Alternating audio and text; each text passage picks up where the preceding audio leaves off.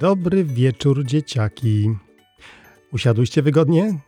To bardzo dobrze. Zaczynamy wieczorek. Audycję Radia Idź Pod Prąd dla maluchów takich jak wy. Choć nie tylko dla was.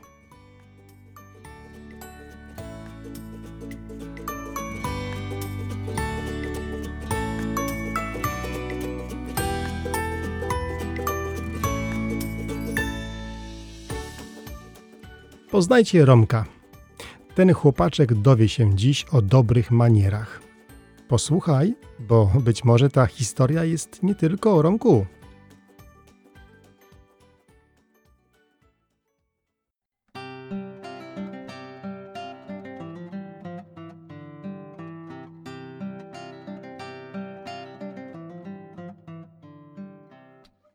Czym się zająć w czterech ścianach? Zapytamy dziś Romana. To taki mały, sympatyczny chłopczyk, co ma miły uśmiech i sztruksowe spodenki. Zaraz go poznacie. Romuś! Co? Romeczku, nie mówi się co, tylko tak albo proszę. Ale o co? Ja nic nie chcę. Kiedy cię ktoś woła, nie powinno się pytać co, tylko proszę. Spróbujmy jeszcze raz. Romuś, Już wiem. Chcę ciastko. Romusiu, czy ciebie nikt nie nauczył dobrych manier? A co to dobre maniery? Dobre maniery są wtedy, kiedy nie pytasz co, tylko proszę. A kiedy czegoś chcesz, to nie mówisz chcę ciastko, tylko czy mógłbym dostać ciastko? Trudne. E, nie takie trudne. Spróbuj. Czy mogę ciastko? Chyba nie zrozumiałam. Hmm. Czy mogę dostać ciastko? Oczywiście. Proszę. A co się mówi? Pyszne ciasteczko. Mm-mm. Dzię. Oje. Romeczku, czemu tak bardzo nie chcesz być grzeczny? Bo to się do niczego nie przydaje. O, wcale nie. Posłuchaj o człowieku, któremu dobre maniery uratowały życie. Działo się to dawno, dawno temu w pięknym królestwie. Rządził nim dumny władca, który budził respekt wśród poddanych. Powtarzał on sobie w kółko. Jestem wielki. Jestem tak silny, że nikt mi nie dorówna. Był on jednak dobrym opiekunem dla swoich ludzi i dzięki temu w jego państwie niczego nie brakowało. Pewnego dnia króla zmogła ciężka choroba. Z dnia na dzień stawał się coraz słabszy.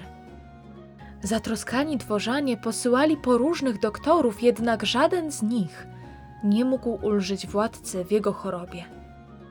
W końcu posłano po osławionego medyka z sąsiedniego królestwa, o którym mówiono, że potrafi leczyć nawet najtrudniejsze przypadki. Doktor ten, podobnie jak nasz król, był człowiekiem dumnym. Cenił swój dar i pomagał tylko tym, którzy całkowicie stosowali się do jego zaleceń.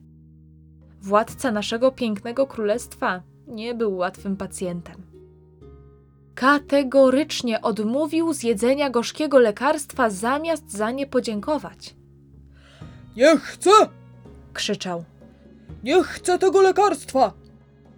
To rozzłościło doktora, który zaczął od razu pakować swoje przyrządy i szykować się do opuszczenia zamku. Tymczasem stan króla zaczął się szybko pogarszać i nagle zrozumiał on, że umrze, jeżeli nikt mu nie pomoże. Zdobył się więc na ogromny wysiłek i wyjąkał. Doktorze, proszę, pomóż mi! Zjem lekarstwo. Dziękuję ci za nie. Doktorowi od razu stopniało serce. Zastosował kurację i po kilku dniach król czuł się jak nowonarodzony. Odtąd już zawsze odnosił się z uprzejmością do swoich poddanych, bo wiedział, że może to uratować mu życie. I co myślisz, Romeczku? No, ciekawa historia. Dziękuję, że mi ją opowiedziałaś. Nie ma za co. Romeczkowi chyba spodobała się historia i od razu wyciągnął z niej morał. To my się już z Państwem żegnamy. Do usłyszenia. Do widzenia!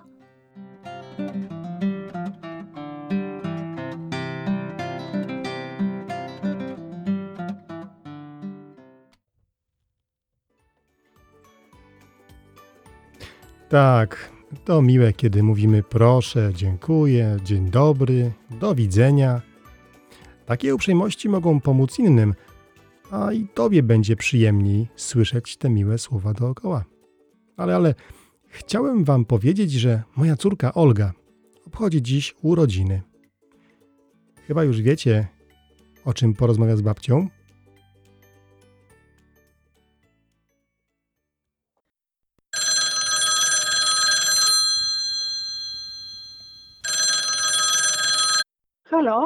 Babcia. Dzień dobry, babciu. A dzień dobry, dzień dobry, moja jubilatko miła. Powiedz, jak mija ci dzisiejszy dzień? Bardzo fajnie. Cała rodzina się stara, żeby było mi jak najmilej, co jest bardzo przyjemne. Yy, I bardzo się cieszę, że mogę spędzać ten dzień razem z nią. Mm, a prezentów dużo było. Tak, było dużo, wszystkie są bardzo fajne. O, A nawiązując do prezentów, babciu, powiedz mi proszę, jak to było, kiedy byłaś mała? Yy, Co dostawałaś? o, wiesz co, tak dawno było, ale poczekaj, niech ja pamięcią sięgnę wstecz.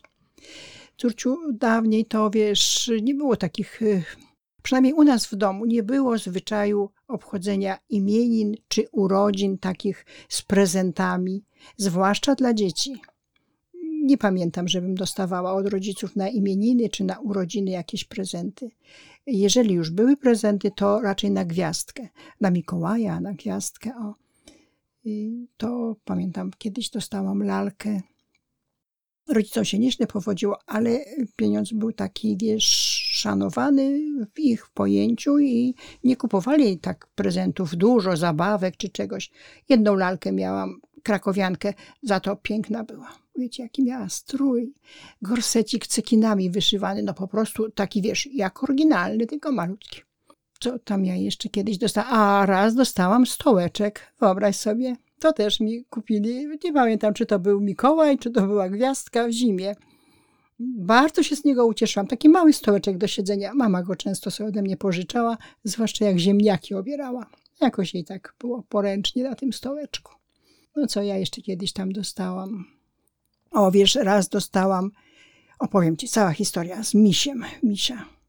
Mój brat jest dużo ode mnie starszy, wiesz, wujek jest starszy ode mnie dosyć dużo. I jak on był w średniej szkole, no to ja jeszcze byłam, nie wiem, że tam mogłam mieć lat 4 czy 5. W każdym razie przyjechał pewnie na święta y, zimowe, na Boże Narodzenie, bo to było ciemno. To pamiętam, że było ciemno i on wyciągnął z, to, z torby i tu było ciemno, brązowe, pluszowe, ale to nie był taki gładziutki plusz, tylko kudłaty, wiesz, takie długie włoski.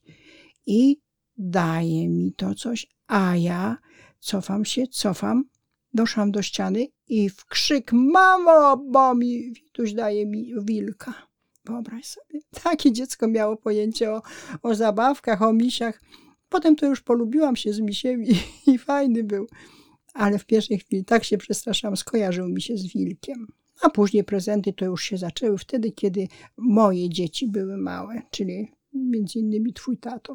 Kupowałam czasami prezenty dla dzieci na różne okazje, czy to były raczej na urodziny kupowaliśmy dzieciom prezenty.